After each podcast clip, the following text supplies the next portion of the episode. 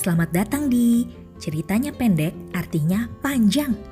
Podcast tentang cerita, sastra, suka-suka.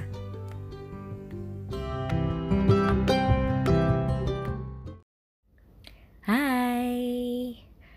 Eh, sudah dengar belum podcast aku yang episode 25? Episode sebelum ini. Jadi di episode 25 itu aku dan temanku Nelly membicarakan tentang karya-karya Dewi Lestari yang kemudian di akhir podcast itu aku meminta saran dari Nelly cerpen karya Dewi Lestari apa ya yang kira-kira bisa aku bacakan. Kemudian Nelly menyarankan aku untuk membaca cerpen Dewi Lestari yang judulnya Rico de Coro. Nah, di episode kali ini aku akan membacakan cerpen itu. Hmm, jadi cerpen Rico de Coro ini ada di dalam buku Filosofi Kopi. Nah, kebetulan aku sudah pegang nih buku Filosofi Kopi punyanya Sinelli. Ini cetakan pertama tahun 2006. Sampulnya uh, gambar biji kopi ya. Dominan warna hitam dan coklat tua gitu. Di sampulnya dituliskan filosofi kopi, kumpulan cerita dan prosa satu dekade. Penerbitnya ini Trudy Books dan Gagas Media. Jadi cetakan pertama itu tahun 2006. Di dalamnya ada banyak cerita, total ada 18 cerpen dan diawali dengan cerita filosofi kopi dan diakhiri cerpen ke-18 adalah Rico de Coro. Nah, sekarang langsung saja kita dengarkan aku membacakan cerpen panjang Rico de Coro. Selamat menikmati.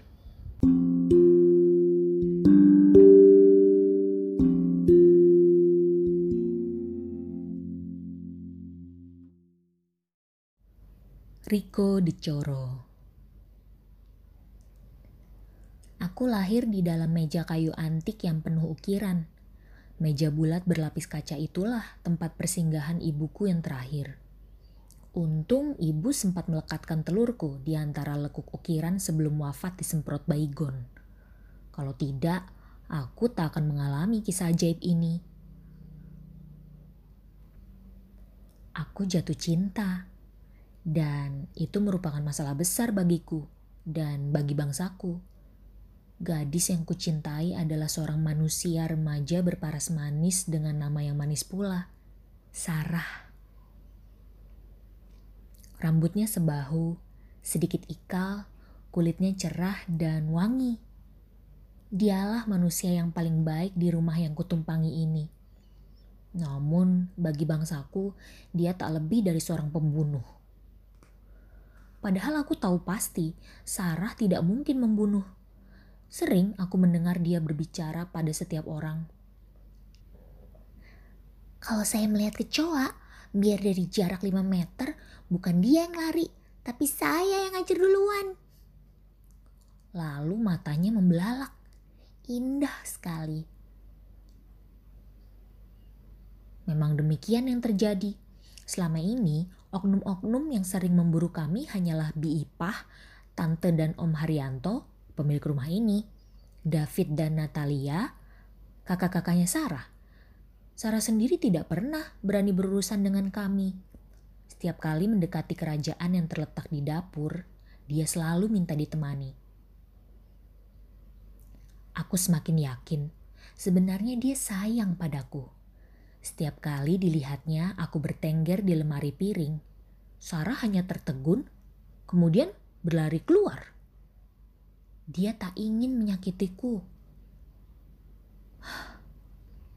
Ayah tak pernah mau mengerti. Posisinya memang sulit. Sebagai seorang raja, dia memiliki beban berat. Ayah berharap aku menggantikan posisinya kelak, lengkap dengan karisma yang tak mungkin kumiliki. Ayah adalah kecoa ningrat yang tiada duanya.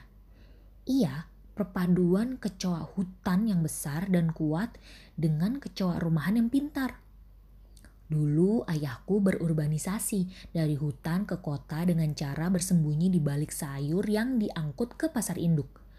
Entah bagaimana caranya sampai ia terbawa ke rumah ini. Masa kecilnya dihabiskan di lubang dekat televisi. Karena itulah dia pintar, berbudaya, dan punya wawasan luas. Dia mempelajari semuanya dari kotak listrik warna-warni itu. Ayahku jugalah yang memberikan nama bagi kami semua, sehingga kami tidak sama dengan kecoa-kecoa selokan yang suka muncul dari lubang kamar mandi. Kecoa WC itu tidak beradab. Mereka masih hidup di zaman primitif saat kecoa tidak punya identitas. Apalagi bau badan mereka yang, wah, mana tahan. Katanya selalu. Ayah percaya bau badan kami lebih wangi Setidaknya kami bergelut di sisa makanan, bukan di hasil akhirnya. Ayah menamai dirinya sendiri Hunter. Diadaptasi dari tokoh jagoan film favoritnya dulu. Bagi ayah, nama itu gagah betul. Perbendaharaan nama ayah banyak dan bagus-bagus. Ada Renegade, Dimension, Marimar, Bella Vista, Laurier, Glade, dan lain-lain. Semuanya diambilnya dari televisi. Kecuali aku, namaku memiliki sejarah yang lain daripada yang lain. Tadinya aku mau dinamai Taktik Boom. Ayah bilang nama itu sangat cocok untuk kecoa. Lucu tapi juga kedengaran cerdik dan taktis cocok untuk seekor calon raja. Tapi begitu aku mendengar sebuah nama yang terucap dari mulut Sarah pujaanku, oh, segalanya berubah. Waktu itu, Bi Ipah sedang memberi makan sepasang ikan arwana kesayangan Om Haryanto. Dan makanan itu berupa seekor, uh, maaf, kecoa. Syukur aku tak mengenalinya. Dia seekor kecoa apes yang tertangkap di kamar mandi. Tontonan itu sebenarnya tabu untuk dilihat oleh sesama kecoa. Bawa sial katanya. Bisa-bisa kita ikut berumur pendek. Namun saat itu aku tak sanggup menahan diri sebab sarahku ada di sana, tertawa-tawa manis di pinggir akuarium. Masa itu tampaknya musim kawin bangsa ikan. Kata ayah, kedua ikan arwana bisa saling membunuh kalau disatukan dalam satu akuarium. Tapi angin cinta dan perdamaian memang sedang bertiup.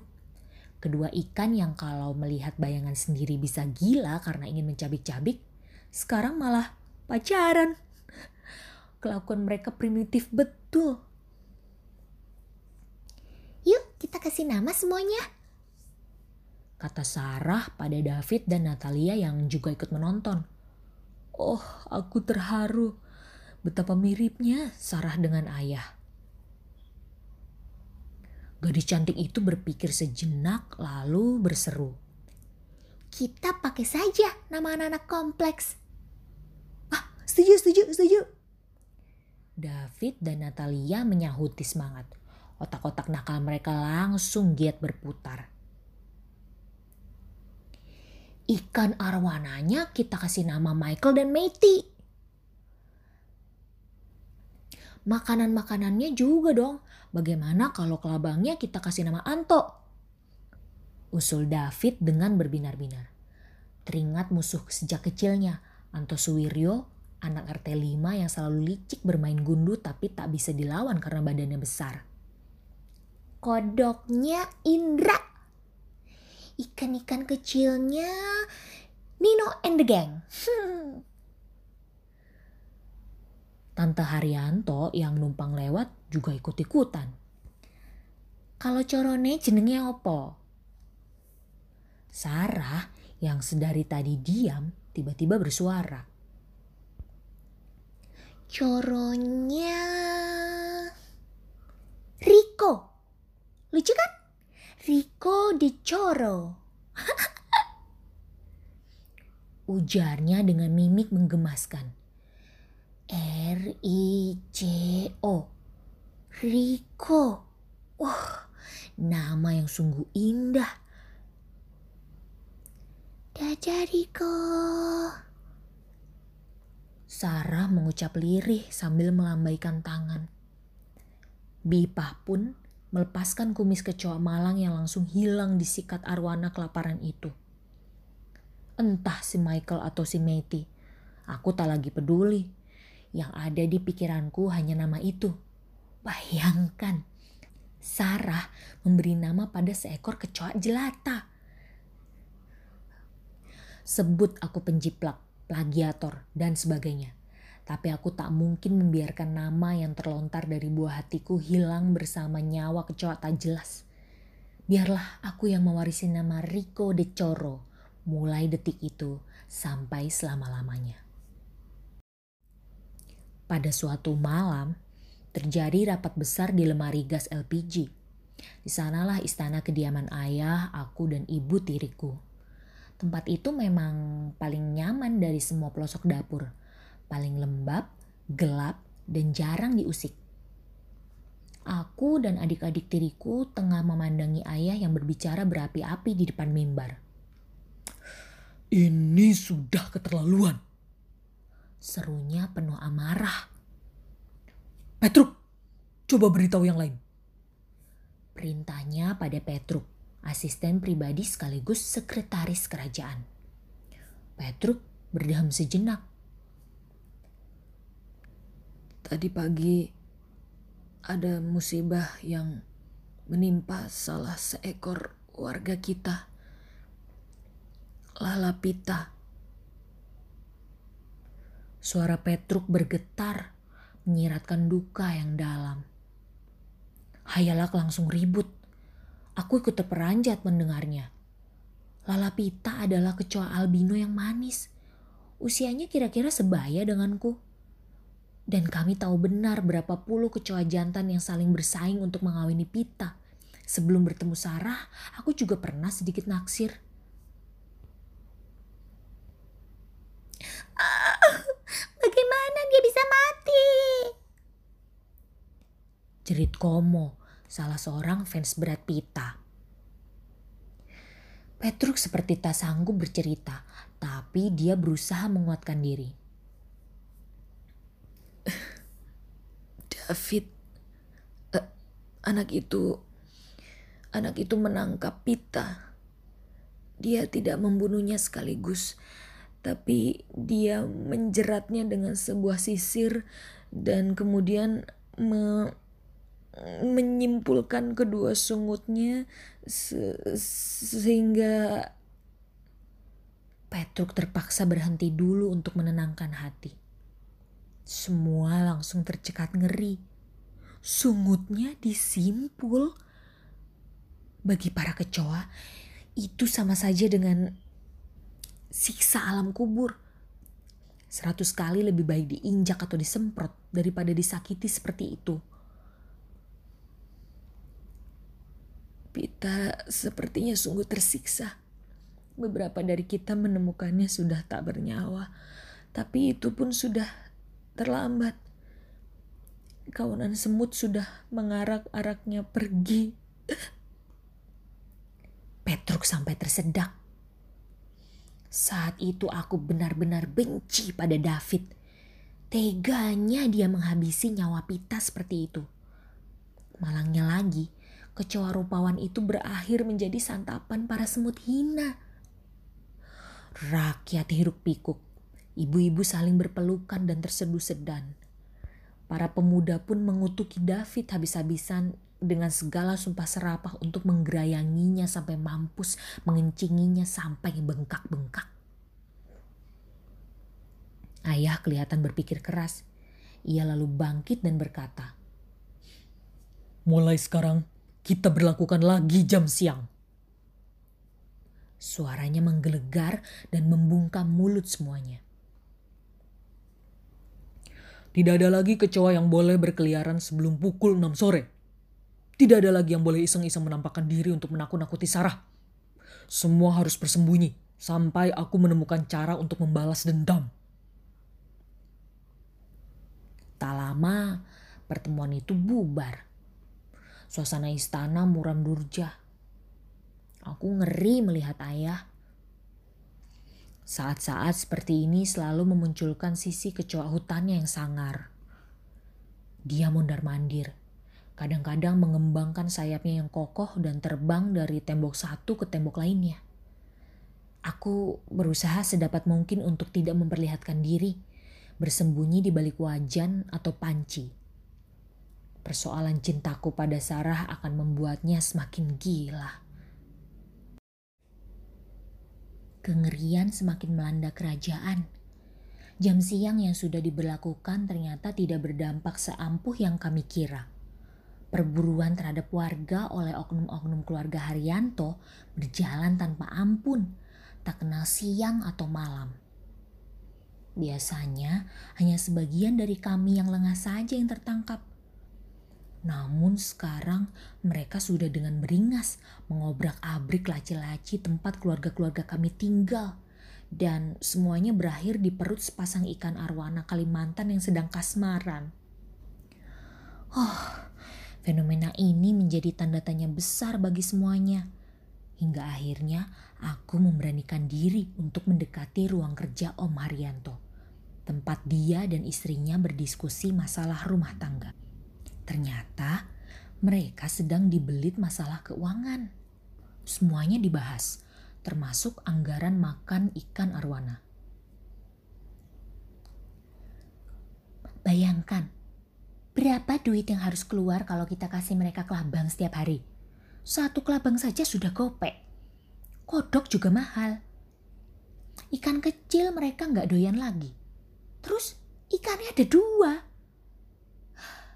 makan mereka sebulan sudah sama dengan uang jajan si Sarah. Tante Haryanto mulai berargumentasi. Sudah Depi, kita jual saja ikannya. Om Haryanto dengan keras menolak. Aku sayang sekali sama ikan-ikan itu. Kau kan tahu, mereka sudah kupelihara dari kecil. Mereka tidak boleh kelaparan, apa pun caranya. Biarlah, sementara mereka dikasih makan kecoa saja. Kecoa mana ada gizinya? Jorok lagi. Lagian berapa puluh yang harus kita tangkap sementara ikan-ikan itu kelaparan melulu. Aku jijik cari-cari kecoa tiap hari di dapur. Rajuk Tante Haryanto. Suruh saja si Ipa atau David yang cari. Pokoknya ikan-ikan itu tidak boleh dijual. Om Haryanto mengultimatum. Jelaslah jawaban misteri pembantaian selama ini. Buru-buru aku menyelinap menuju dapur, melaporkan informasi tersebut pada Petruk yang langsung pergi melapor pada ayah. Di luar dugaan kami, ayah malah naik pitam. Kurang ajar. Mereka pikir kita kecoa-coa murahan apa? Teriaknya seketika. Kalau cuma mengganjal perut ikan-ikan bodoh itu, kenapa mereka tidak pilih kecoa got yang sama-sama tidak punya otak? Kita kan bangsa berbudaya, beradab. Sudah sepatutnya nyawa kita dihargai lebih dari sekedar makanan ikan. Lanjutnya lagi, badannya yang besar kian mengembang. Kita akan buktikan kalau kita tidak sama dengan kecoa-kecoa lain. Tiba-tiba ku dengar ia meneriakkan namaku. Riko! Tubuhku langsung kaku. Tapi ku beranikan diri untuk mendongak sedikit demi sedikit. Pasti ayah akan mengungkit-ungkit masalah itu lagi. Dan benar saja. Kamu, otakmu juga udah digot. Persis kecoa WC. Bagaimana mungkin kamu bisa tergila-gila dengan manusia pembunuh itu?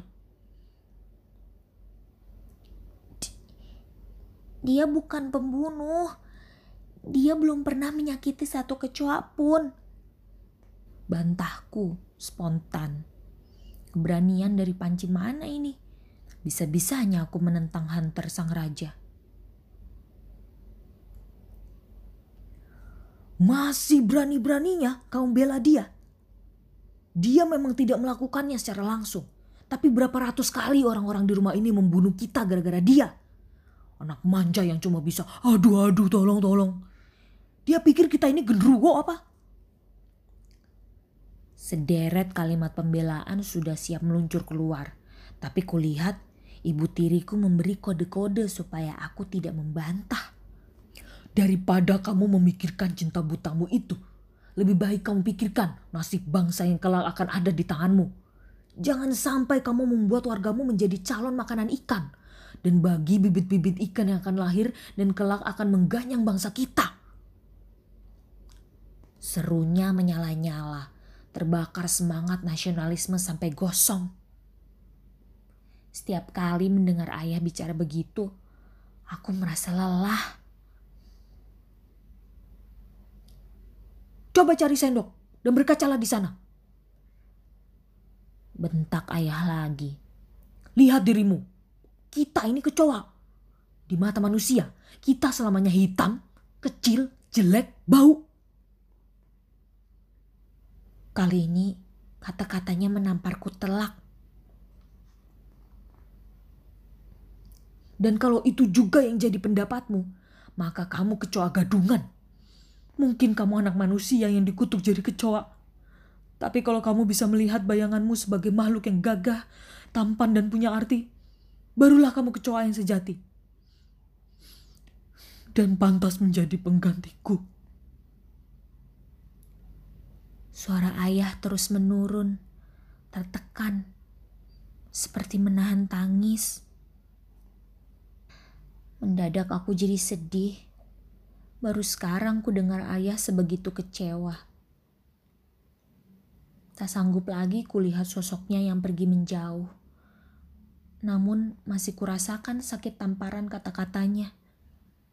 Hitam, kecil, jelek, bau.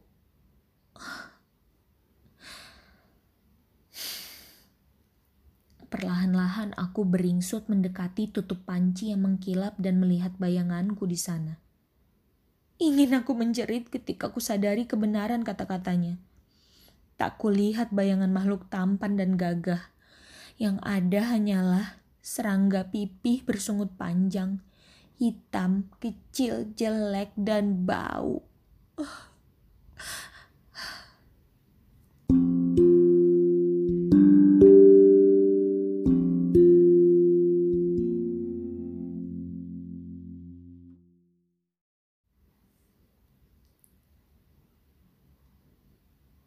Kerajaan kami sudah berubah total.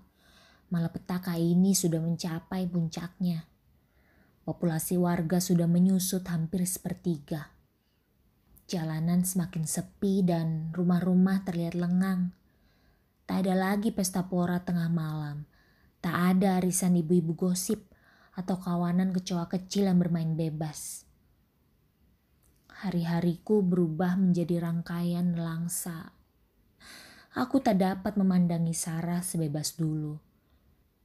Dan yang gilanya, kejadian ini malah membuat cinta dan pengharapanku semakin dalam. Membuatku terjebak dalam mimpi-mimpi absurd. Misalnya, berubah menjadi manusia. Pada suatu siang, ketika aku terbangun dari mimpi-mimpi gila itu, aku menyadari ada beberapa kecoa bercakap-cakap.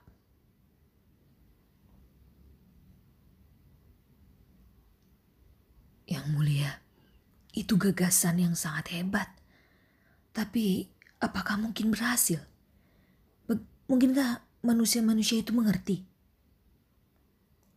Percayalah, Truk. Itu satu-satunya jalan supaya mereka dapat ganjaran. Tapi bagaimana caranya kita berkomunikasi dengan dia? Gerak-geriknya sudah kupelajari. Biarpun sedikit aneh, tapi kupikir banyak kesamaannya dengan bahasa kita. Aku yakin kita bisa berkomunikasi. Aku segera tahu itu suara ayah dan Petruk. Tiba-tiba ku dengar suara kecoa betina. Ibu tiriku, Vinolia atau Mami Vin panggilan akrabnya. Hunter, kupikir itu salah. Dengan lembut ia angkat bicara. Aku tidak mengerti kenapa kamu berpikir sekonyol itu. aturan kita tidak sama dengan aturan mereka. Kita tidak perlu membalas dendam pada siapa pun. Sudah pasti yang kuatlah yang menang. Dan apalah arti serangga seperti kita dibandingkan makhluk sepintar manusia? Ayah berkeras. Sampai kapan kita mau diperlakukan seperti ini? Sampai kapan mental kita tetap bertahan sebagai hewan busuk yang bisa dibasmi begitu saja? Apa kamu tidak ingin melihat sesamamu maju? Kecoa sudah ada di muka bumi sebelum manusia. Dan kita akan terus ada sekalipun semua manusia punah. Jadi siapa yang lebih kuat? Mami Vin melengos. Kamu terlalu lama hidup bersama televisi katanya ketus.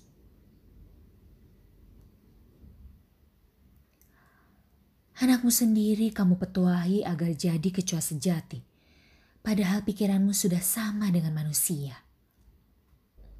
Ayah sepertinya sudah ingin meledak, tapi rasa hormatnya pada Mami Vin membuatnya bungkam. Dialihkannya lah perhatiannya pada Petruk. Kita tetap jalankan rencana. Tentunya Petruk manut. Ia segan pada Hunter lebih dari apa pun. Besok kita akan menemuinya. Tandas ayah. Aku yang akan berbicara langsung. Tolong siapkan beberapa serdadu kuat untuk ikut pergi. Bagaimanapun dia masih harus kita anggap berbahaya sampai kita betul-betul tahu mereka berdua terus berbicara sambil berjalan keluar istana. Terdapat lagi kutangkap pembicaraan mereka. Yang jelas rencana itu besar dan berbahaya. Dari balik tirai, aku asyik mengamati Sarah yang tengah tertidur pulas. Kusembunyikan kedua sungut ini rapi-rapi setiap kali mengunjungi kamarnya. Karena perjalanan ini berbahaya sekali. Kamar Sarah dilengkapi obat nyamuk listrik yang cukup bikin kami sempoyongan. Dan yang lebih ngeri lagi, perangkap-perangkap khusus kecoa. Keluarganya lah yang sengaja menaruh ruang-ruang eksekusi itu supaya mereka tidak usah repot dipanggil tengah malam untuk memburu kami. Tiba-tiba Natalia menyuruh masuk, membongkar-bongkar, mengobrak-abrik sana-sini. Sebenarnya apa yang kamu cari? Tanya David yang membututinya dari tadi. Oh, hasil percobaan di kampus. Yang bikin itu profesor biologi yang agak edan. Natalia memiringkan telunjuknya di dahi. Ketika sudah seperempat jam mencari dan tidak ketemu-ketemu, Natalia tambah pucat pasi. Percobaan apa? Rongrong David tak sabar. Sekilas Natalia memandang Sarah yang masih tertidur. Nanti saja, ada Sarah. Aku takut dia dengar. Dia kan lagi tidur. Kalau kamu tidak bilang, aku tidak mau bantu mencari. Ancam David. Walau ragu, Natalia mulai berbicara pelan-pelan. Kulihat mata David membelalak. Sementara aku sendiri rasanya seperti digilas sepatu Lars Secepat kilat aku menyelinap kembali ke istana. Dan ternyata akulah yang paling terlambat tahu. Semua warga sudah mengetahui tentang kehadiran seekor makhluk aneh yang kini ditempatkan di bilik istana. Segera ku kais-kais informasi, tapi berita yang beredar masih simpang siur. Dia sungguh besar, menakutkan. Bentuknya seperti ratu semut tapi lebih ngeri. Makhluk itu seperti belalang lamban, kelihatannya bodoh. Uh, ular naga, ya betul-betul seekor ular naga.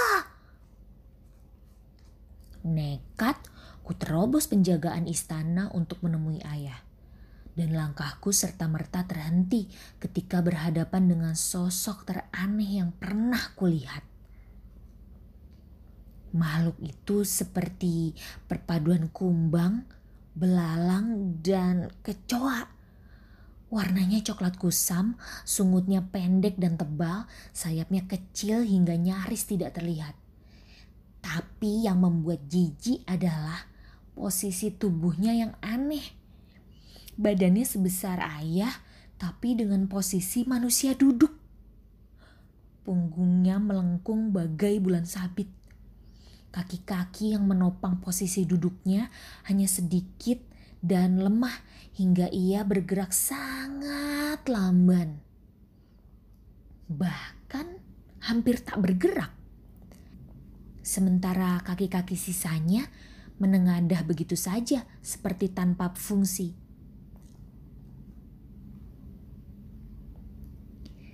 Dia memang kelihatan seperti monster besar yang bodoh. Tapi ada satu kengerian yang membuatku tak mampu berkata-kata. Di bawah sungut pendeknya terdapat dua capit besar yang tajam berkilat. Mungkinkah mungkinkah itu yang dibicarakan David dan Natalia tadi? Ayah tampak sama sekali tak gentar berdekatan dengan monster itu. Ia malah memperkenalkannya padaku. Ah, Rico. Kenalkan, dia masih famili bangsa kita. Tuan Absurdo. Tuan Absurdo berkata terpatah-patah dengan rintihan yang mirip berkumur. Breakor. Pangeran muda. Pangeran muda maksudnya. Ayah menerjemahkan dengan bangga. Seolah-olah ia telah belajar suatu bahasa yang luar biasa. Aku bergeming menatapnya. Apa yang ayah akan lakukan? Ayah tertawa kecil. Tuan Absurdo ini akan bekerja sama dengan kita untuk memberi ganjaran pada manusia-manusia kejam itu. Dia menepuk badan Absurdo yang ternyata lembek seperti bantal. Hidupnya tidak panjang, karena itulah dia ingin menggunakan sisa usianya untuk hal yang berguna. Tuan Absurdo mengangguk-angguk pelan sambil terkekeh.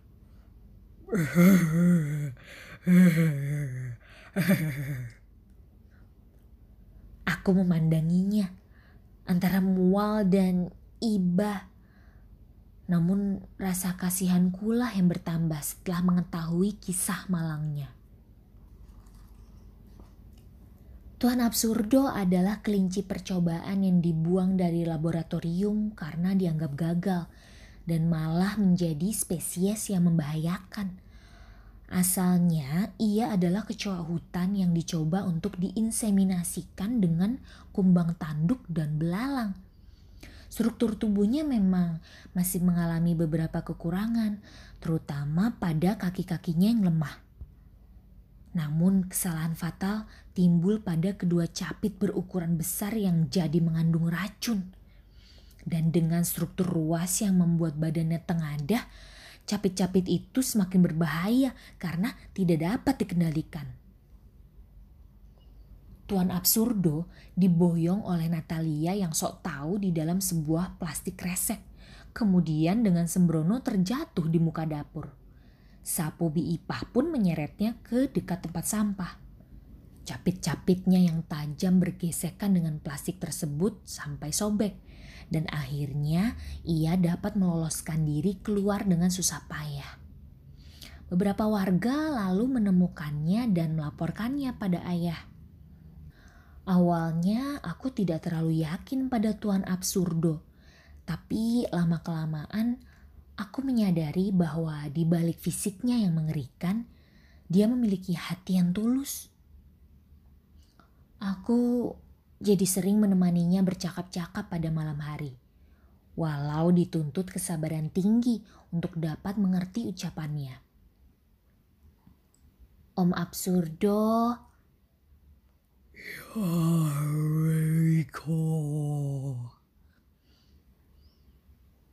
Kalau Om memiliki capit yang berbahaya, kenapa Om tidak berusaha menyerang kecoa-kecoa yang menemukan Om waktu itu?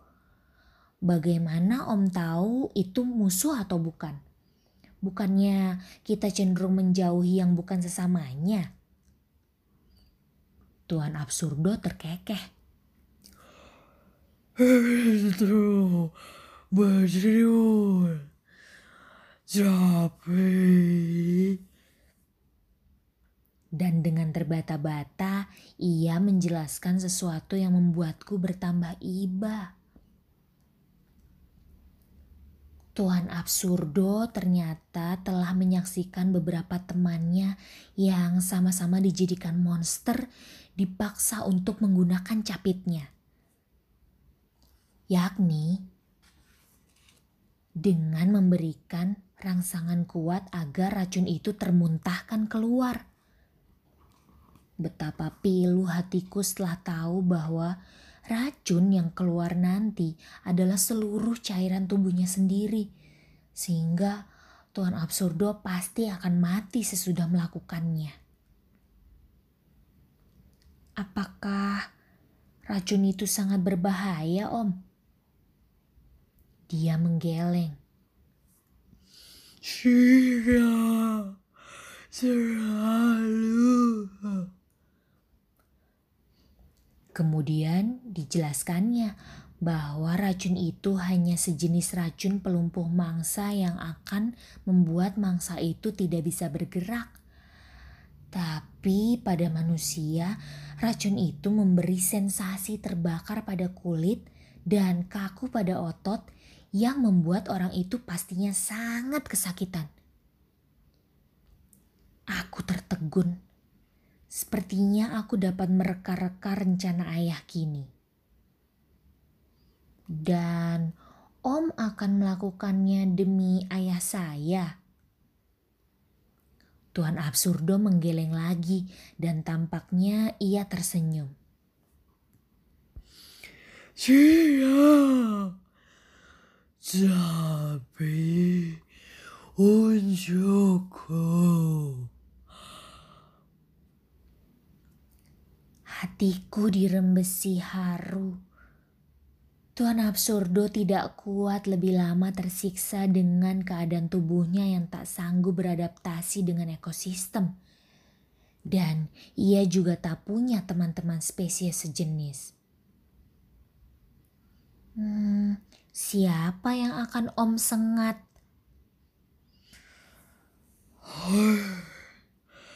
Traffic.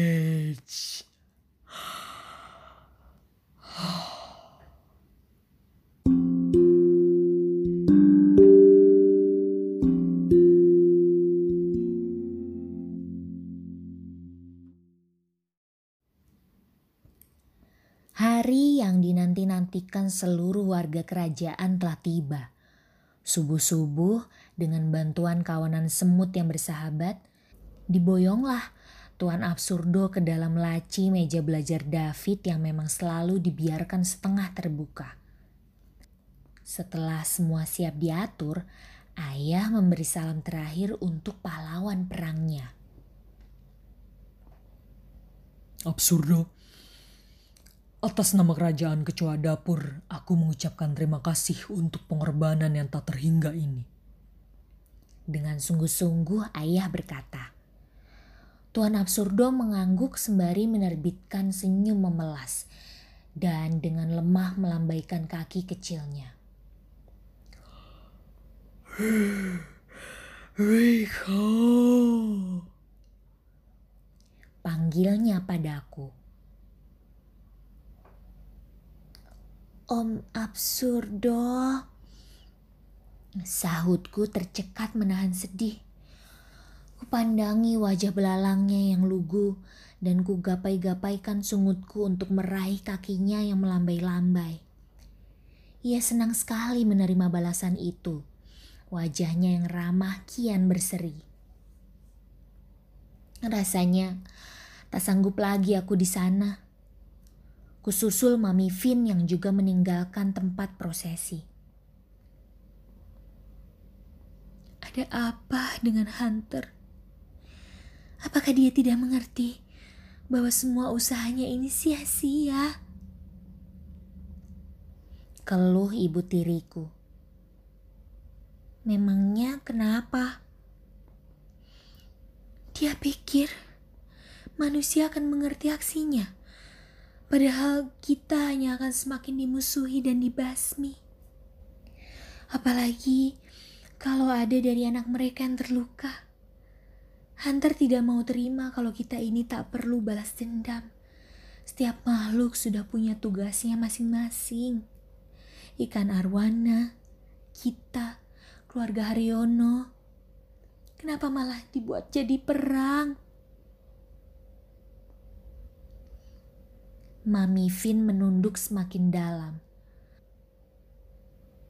Semua ini hanya akan mendatangkan duka, Riko. Sementara yang lain sibuk mempersiapkan diri untuk menyaksikan peristiwa monumental itu, aku memilih pergi ke kamar Sarah, bersembunyi di balik tirai seperti biasa.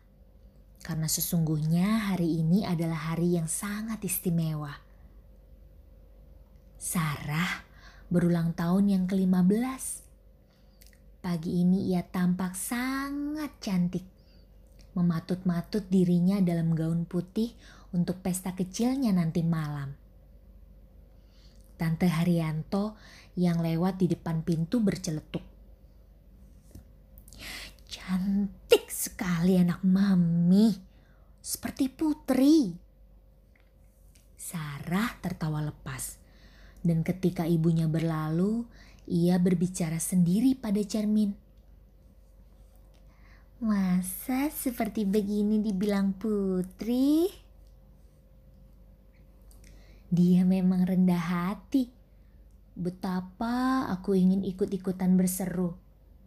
Kalau aku setuju 100% dengan Tante Haryanto. Sarah benar-benar seorang putri. Tercantik sejagat raya. Dan aku Akulah pangerannya, Pangeran Rico de Joro. Nyaris aku lepas kendali dan menampakkan diri. Selintas bayanganku tertangkap di cermin itu. Bayangan Rico de Joro. Pangeran serangga yang hitam, kecil, jelek, dan bau. Mana mungkin aku bisa seputih dan sebersih gaun yang dikenakannya atau cukup tampan untuk menjadikan kami pasangan yang serasi. Aku hanya makhluk bersungut yang tinggal di bagian terkotor di rumahnya, dengan kepala penuh impian konyol yang hanya membuat orang tuaku kecewa. Kulihat Sarah terperanjat. Begitu pula aku yang kaget sendiri mendengar bunyi sayap bergetar menggesek tirai. Ternyata sayapku mulai dewasa Tak lama lagi aku akan bisa terbang seperti ayah. Sarah yang terlanjur takut buru-buru keluar. David, David, Bipa, kalian, Mami. Ia langsung memanggil bala bantuan. Uh, betapa menyesalnya aku sudah mengagetkan Sarah. Kususul dia diam-diam lewat jalur kabel di tembok. David, David, tolong, ada kecoa di kamarku. Sarah mengguncang-guncangkan badan abangnya. David terlonjak bangun. Hah? Benar-benar kecoa? Tanyanya serius. Natalia langsung menerobos masuk dan bertanya tegang. Kecoa? Kecoa macam apa? Sarah memandangi mereka berdua, bingung bercampur curiga. Memangnya ada kecoa seperti apa lagi? Hmm, Sarah, coba ingat-ingat. Warna kecoa yang kamu lihat bagaimana? Sungutnya panjang atau pendek? Terus badannya kelihatan aneh enggak? Natalia berusaha bertanya setenang mungkin, Tapi Sarah makin ketakutan dibuatnya. Ada capitnya? David menambahkan. Kelepasan. Capit? Sarah tak sanggup lagi membayangkan betapa mengerikan makhluk yang ditanyakan kedua kakaknya. Sekujur tubuhnya gemetar seperti orang menggigil. Ada tidak? Sarah hanya bisa melongo memandangi David. Pikirannya sudah kacau. Tidak tahu, tidak jelas, tidak tahu. Teriaknya kalap. Yaudah, ayo kita lihat sama-sama. David bangkit berdiri dan bergegas. Sarah, cepat ambil senter di laci mejaku. Seluruh tubuhku berdesir mendengarnya. Dengan kepanikan Sarah, akan semakin kuatlah rangsangan bagi Tuan Absurdo yang sudah menanti di dalam laci meja David. Petruk yang mendampingi Absurdo di dalam laci mulai merasakan getaran-getaran mendekat. Siap-siap Absurdo, sebentar lagi. Sarah menarik laci itu dengan gerasa gerusuk. Jari-jarinya gemetar hebat. Absurdo menarik napas. Ia sudah siap sekarang.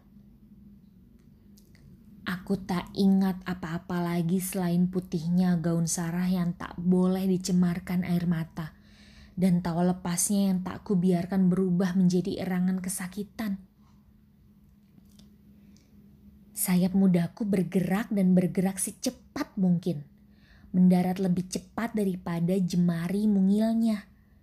Dan Oh, wajah Tuan Absurdo terasa dekat sekali menatapku tak percaya. Ku dengar ia merintih halus.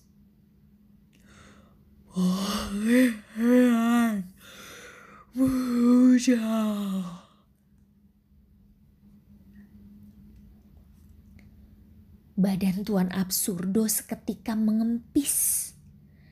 Tak ada lagi yang berarti selain kedua capit kokohnya yang telah merobek badanku. Kurasakan tubuhku mengembang oleh cairan racun yang kuisap. Tak ada nyeri, aku hanya mematung. Sayup-sayup terdengar Sarah menjerit. Itu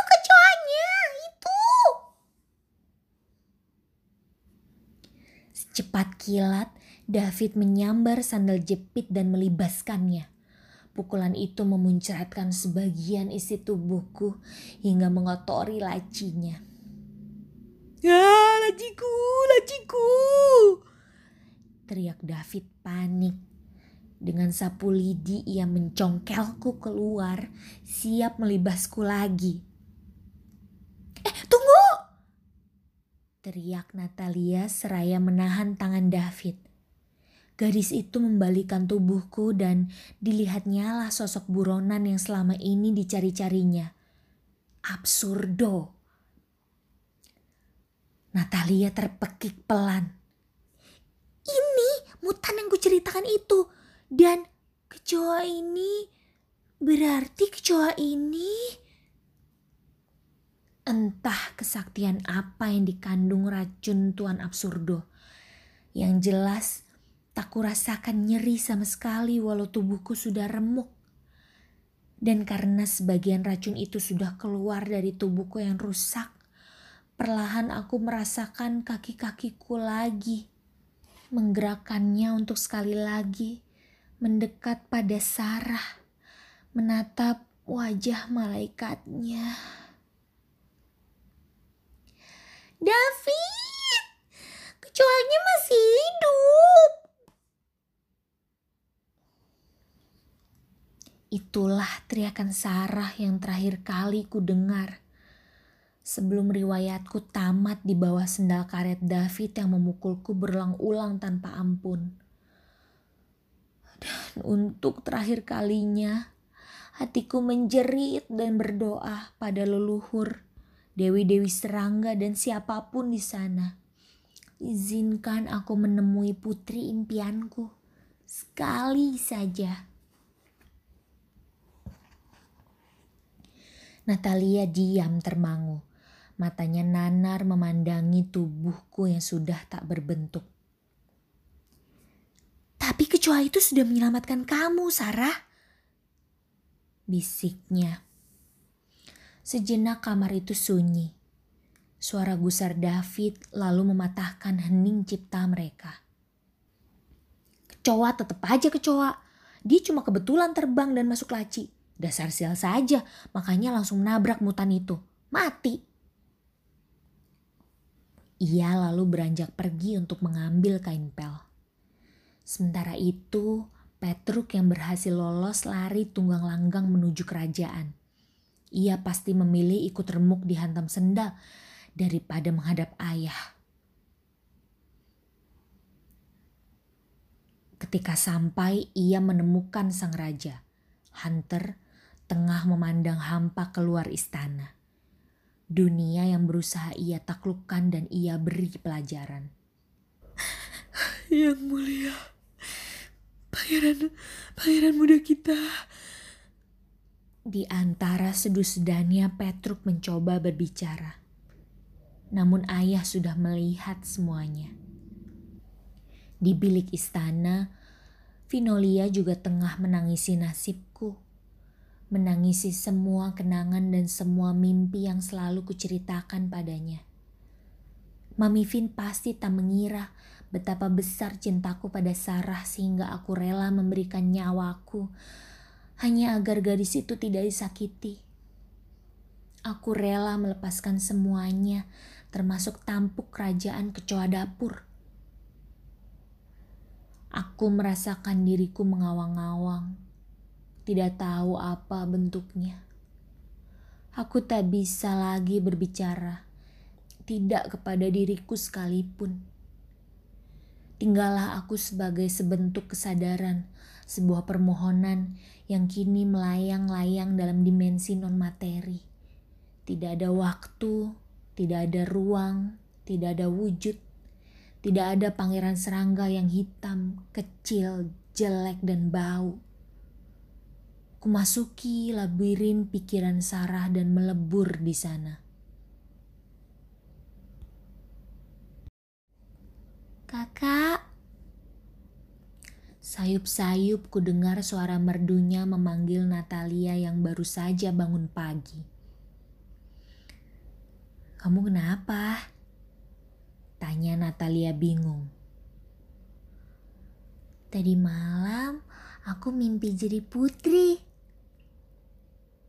Senyum Sarah mengembang, tersipu-sipu. Aku bertemu dengan pangeran namanya Riko Dicoro. Lalu kami jalan-jalan, berdansa. Dia cium pipiku dan bilang selamat ulang tahun. Sesuatu mengusik Natalia. Riko Decoro. Nama yang tidak asing. Tapi ia tak berhasil mengingat jelas dan sepertinya tidak juga Sarah. Tidak apa-apa. Aku bahagia misiku selesai. Wujudku sebagai sebuah kesadaran akan segera berakhir. Sebentar lagi aku keluar dari labirin pikiran Sarah. Giliranku bergabung dengan roh-roh nenek moyang yang sudah lama menunggu. Ibu, aku akan menemuinya, bercerita tentang masa kecilku tanpanya di dalam meja kayu.